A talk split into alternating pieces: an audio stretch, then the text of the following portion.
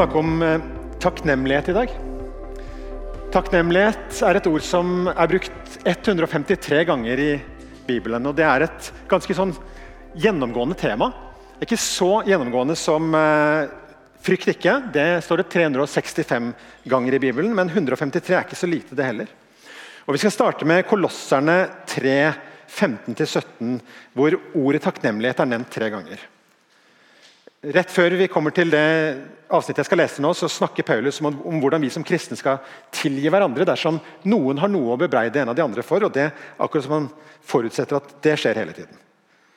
Og Så sier han kle dere i kjærlighet, som er det båndet som binder oss sammen. Er ikke det et vakkert bilde? At det er et sånt bånd som binder oss sammen i kjærlighet. Og så sier han la Kristi fred råde i hjertet. For til det ble dere kalt da dere ble én kropp. Og vær takknemlige. La Kristi ord få rikelig rom hos dere. Undervis og rettled hverandre med all visdom. Syng salmer, viser og åndelige sanger til Gud av et takknemlig hjerte. Og la alt dere sier og gjør, skje i Herren Jesu navn, med takk til Gud, vår Far, ved ham. Dette, dette ordet i Bibelen som er oversatt med takknemlighet, Gratitude på engelsk er charity på gresk. Det høres ut som charity, altså en organisasjon som er skapt for å hjelpe andre. Og Det er ikke så langt unna sannheten. Det ordet som oversettes med takknemlighet i Bibelen, det handler om, det handler om at jeg har opplevd en godhet og har lyst til å gi den godheten videre til andre. Det handler om en, en hjerterespons på noe jeg har erfart, og en hjerterespons som gjør at jeg ønsker å handle på det. Godhet. Jeg har lyst til å gi godhet tilbake som en respons. Det er egentlig det som ligger i det ordet. Takknemlighet. Det er ikke, det er ikke helt det samme som må huske å si takk da, til tante for de grønne sokkene som du fikk når du egentlig ønska deg en bil. Husk å si takk da. Ja, Du kan si takk, men det er ikke det samme som takknemlighet. Takknemlighet er mye mer det beveger deg. Det handler om en holdning, men det handler også om en handling på det. En respons fra deg. Min påstand er at eh, vi er skapt for å tilbe Gud. Vi som mennesker med en bevissthet, den har vi fått fra en Gud som har en bevissthet. Han har skapt oss, han er kjærlighet, han vil ha en relasjon med oss. Og Vi kjenner hele historien, jeg skal ikke ta den om igjen, men det gikk ikke så bra etter skapelsen. Det skjedde et syndefall. Men det er mulighet for deg og meg til å komme tilbake igjen til Gud og få gjenoppretta den relasjonen. Og Når vi får det, så er det liksom ikke bare en sånn klinisk ting. Det er, en, det er en handling som gjør at vi har lyst til å gi noe tilbake. Og Der kommer takknemlighet inn. Derfor så Den relasjonen vi er skapt til å ha med Gud, når den er der, så er den naturlige responsen vår å gi en takk til ham. Det er å gi ham ære, det er å tilbe ham. I eh, i 2018 så kom det ut en dokumentar som het 'Biggest Little Farm'. Jeg vet ikke om du har sett Den Den handler om John og Molly som gifta seg. De bor i Los Angeles. Fantastisk stor, ikke så vakker storby. Eh, og De gifter seg, og så får de en stor visjon for livet sitt. De, de selger alt de har, og så kjøper de et sånt digert land på utsiden av Los Angeles. 200 mål. Og Det området de har kjøpt, er helt dødt. Det vokser ikke noe der. Det er ikke noe wildlife der. Det er ikke noe, det er ikke noe kultivert. Det er bare en svær på en måte, jordhaug. Jeg har sett bilder av det. Det er ingenting der, og det har de kjøpt. Og så er Visjonen deres at de skal gjøre om disse 200 målene med ødeland til en, til en vakker, naturlig bondegård med både kultiverte dyr og ville dyr med bakterier, med alt som skal til. Og de har ikke tenkt å bruke sprøytemidler eller kjemikalier for å få det til. Hvordan gikk det? Nei, du må se filmen for å få vite hvordan det gikk. jeg har ikke tenkt å spoile det. Men på Alfaviken som jeg var nå, så var det ei av deltakerne som sa det er den beste filmen jeg har sett. Vi prata om det. Og så er det jo sånn da, For meg som tror på Gud, så tenker jeg at ja, men Gud har jo laga naturen sånn at Hvis du tar et område som er helt dødt, og så begynner du å kultivere det, begynner å vanne det, begynner å bringe inn noen planter, så vil det vokse. Så vil, eh, villdyrene komme inn. holdt jeg på å si, Så vil bakteriene komme inn, og så får du, kjøper du noen svære griser. og Så gjør de sitt, og så bruker du det til gjødsel der. og Så gror det noe mais, og så blir den maisen til mat for de grisene. og Så er det et sånt økosystem som bare virker. Det er jo fordi jeg tror at det fins en gud. Hun trodde ikke på Gud, så hun tenkte at det er jo bare sånn naturen er. Flaks på en eller annen måte. Et sånt ødeland som kan kultiveres, som kan formes og gis liv, det er for meg et bilde på det ødelandet som du og jeg er hvis det ikke vil kultiveres. Det potensialet som er et sånt landområde, er for meg et sånt potensial på ethvert menneske. Men det er noen ting som du må spille på lag med for at det skal skje. Den kultiveringen som skjer med det ødelandet, den, den intensjonelle handlingen av å plante, og så og vanne og dyrke og legge til rette, som får disse mekanismene til å, til å leve. Det er noen sånne mekanismer for deg og meg òg. Fysisk, biologisk, men også psykisk, mentalt og åndelig. Altså, Bibelen har noe som den kaller for synd. Og Du og jeg trenger å finne ut hva er det i mitt liv som er synd. Og så må vi gjøre det med den synda som vi gjør med søpla i huset vårt. Vi lar det ikke bare hope seg opp. Nei, vi putter det i den posen og knyter den igjen og går ut med den en gang i uka. Så det å, det å, ta på alvor at noen ting i mitt liv er ikke på linje med det som Gud ønsker for meg, det er en av disse her faktorene som, som, som gjør at du kommer, du, kommer på, du kommer, på, plass med livet. Og du kan formes, du kan dras fra, tas fra å være ødeland til å bli en vannrik hage. Og hva tenker du har dette med takknemlighet å gjøre? Ganske mye. For Hvis du googler takknemlighet, så kommer du fort over diverse hverdagspsykologi på en haug med blogger, ofte skrevet av kvinner. Der det, det var ikke negativt ment. Eh, eh, takknemlighet er nemlig en sånn mekanisme som som vi som kristne sier at ja, dette er jo en åndelig disiplin. Når jeg snakker om de åndelige disiplinene, så er jo takknemlighet en av de. Så Vi vet jo dette, har visst dette i 2000 år, på en måte, eller enda lenger.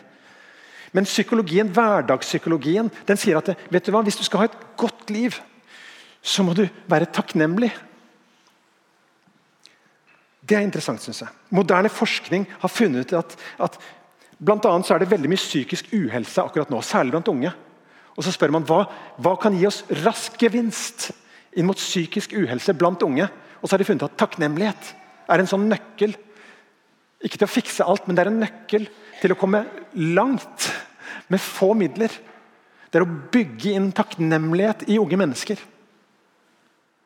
Det er litt som, som å kultivere den hagen. Altså, ødelandet som er der. Det er mulig å få det til å bli en vannrik hage, men du må spille på lag med de mekanismene som, som ligger der i skaperverket. Jeg tror Gud har lagt inn, jeg tror ikke det er flaks. Og jeg tror du og jeg jeg tror ikke det er flaks med oss heller. Jeg tror, vi, jeg tror det finnes noen sånne lover og regler som vi kan lene oss inn mot, og så, kan vi kultiveres til det som Gud hadde tenkt for oss. Så På en av de bloggene så står det ti helsefordeler ved å praktisere takknemlighet.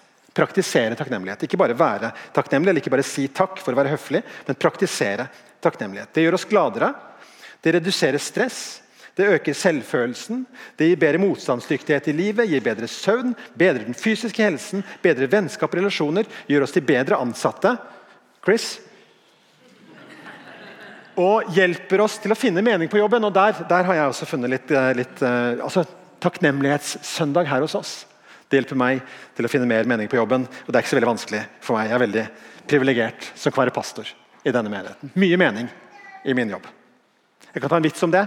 Um, opplever du at jobben din er meningsløs, så skal du tenke på de som monterer blinklys på Audier og Teslaer. Ja, det være en liten vits. Skøyt den inn der. Nei, du En ting som går an å si om vår tid, det er dette. Vi har så mye å være takknemlig for, men ingen å være takknemlig til. Altså, Vår del av verden som på en måte har avsatt Gud, har sagt at vi klarer oss sjøl, vi trenger ikke Gud. Og Så lurer vi litt på hvorfor går så mange statistikker i feil retning. Så mye å være takknemlig for! Jeg satt på Alfaviken, Det var en, en, kar der fra Ecuador. Så sa jeg at jeg driver også og forbereder preken samtidig som jeg er på Alfaviken. Hva skal du snakke om? Om takknemlighet, sa jeg.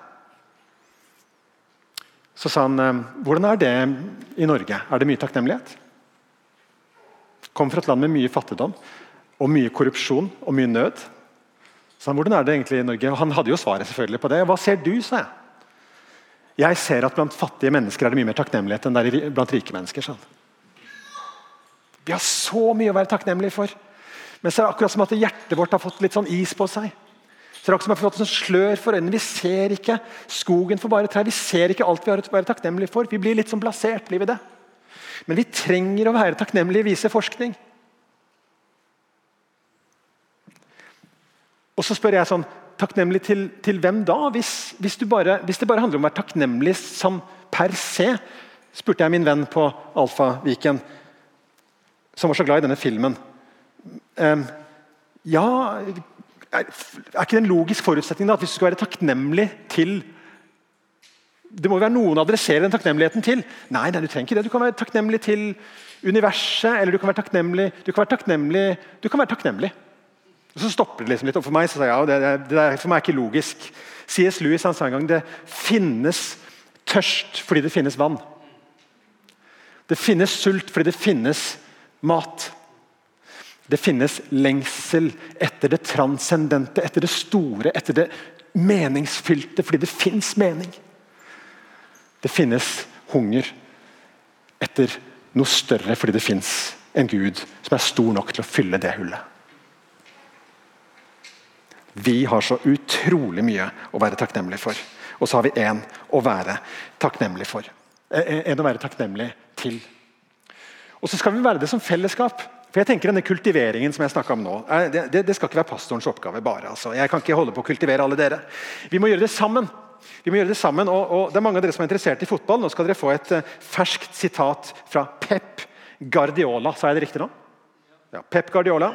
Han sa det er vanskelig for meg å forstå hvordan man kan bruke så mye penger på en spiller, og så overlate dem til seg selv. Vi tar vare på ham i 24 timer i døgnet. Og så handler det selvfølgelig om Erling Braut Haaland. Dette fenomenet fra Jæren. Som kunne ha sittet og spilt TV-spill, men som altså har fått kanskje verdens dyreste jobb. Verdens best betalte jobb, mener jeg. Han er jo så dyr at det er nesten vondt å tenke på, men, men, men det er situasjonen. Og vi syns det er litt kult at han er norsk. Men, men tenk så crazy, da! Å få han liksom inn i stallen som fotballspiller med de dyre beina og med den måte, skåringskapasiteten. Og så si ja, ja, bare spis så mye hamburger du vil. Eh, se hva du vil på TV. Og, og får du en skade, nei, så får du nesten gå til doktoren. Nei, nei, nei, nei. Vi passer på han 24 timer i døgnet. Og da tenker jeg sånn, Ikke på en sånn kontrollerende, ekkel måte. Ikke sånn liksom at mm, har du? Nei, nei, nei vi, vi, passer på han. Det er omsorg i det. For han er jo en ung mann. Han trenger omsorg og støtte. ikke sant? Og så kultiveres han til å bli denne vannrike hagen som skårer masse mål for Manchester United. Eller hvem det nå var.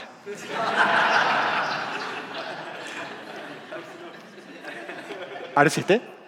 Ja, det er City. Det er City. Det er City. Men, men, ikke sant? Det sier jo bare litt. Det sier jo bare litt. Kan vi, kan vi ta vare på hverandre, dere?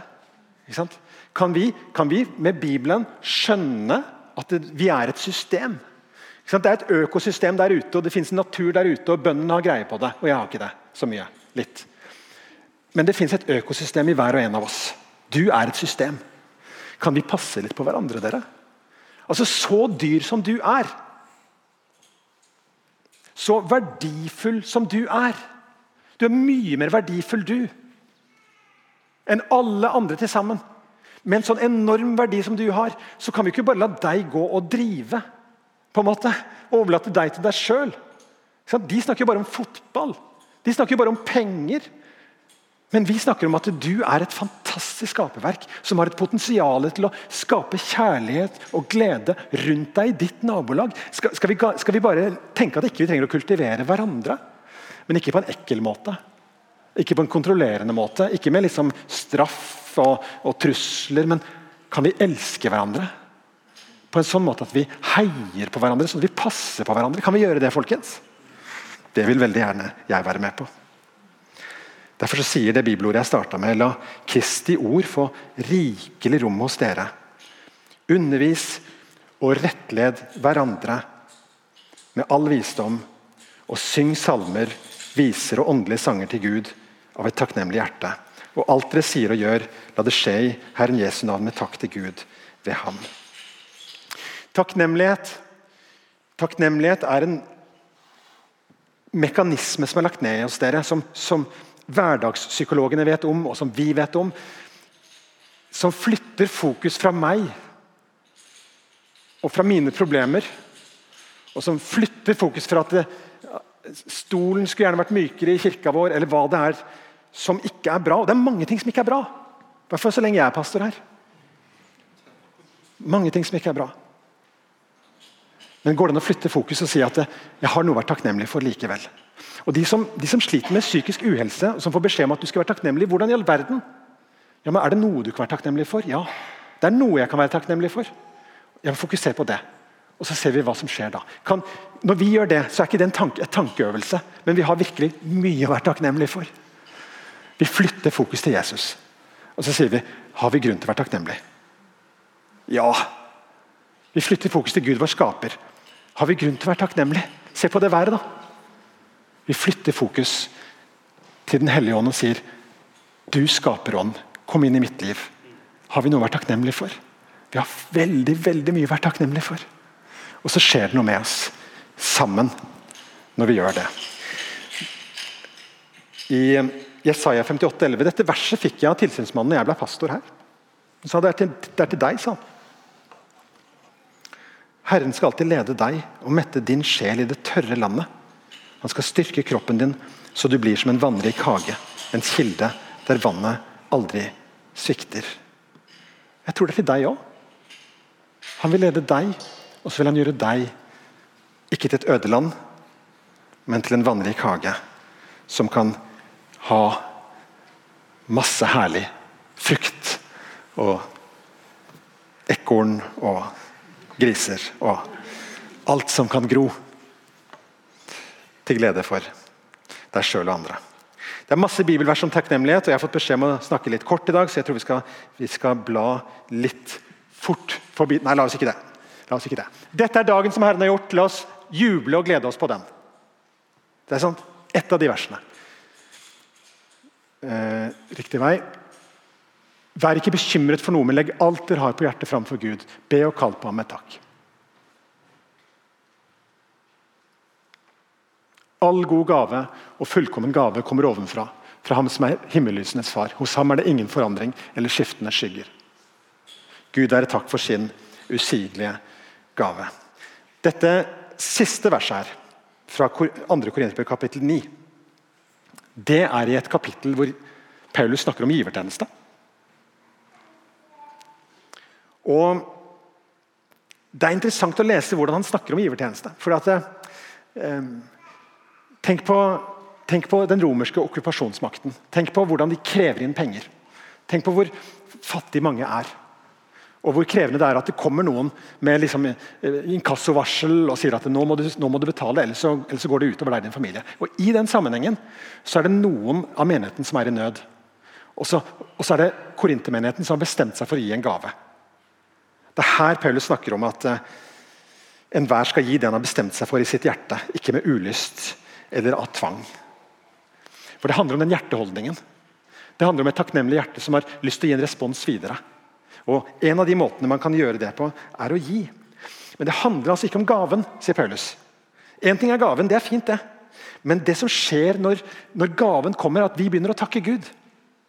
Så det kommer en frukt av det at menigheten i Korint har bestemt seg for å gi. Ikke av tvang eller ulyst, men har bestemt seg for det i sitt hjerte. Da er det en frukt av det. Takken som stiger opp til Gud, er kanskje enda viktigere enn gaven.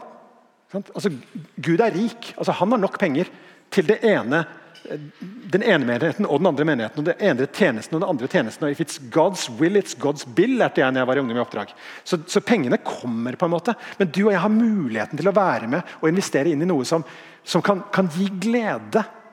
Frukten av gaven er vel så viktig som gaven. Det skaper en overflod av takk til Gud, sier han. Takknemlighet. Mer takknemlighet. Så det blir en sånn positiv ringvirkning av et fellesskap som sier at vi gir raust. Både til de på utsiden av kirka og til kirkens arbeid, slik at vi kan fortsette å være et fellesskap som tilber Gud sammen.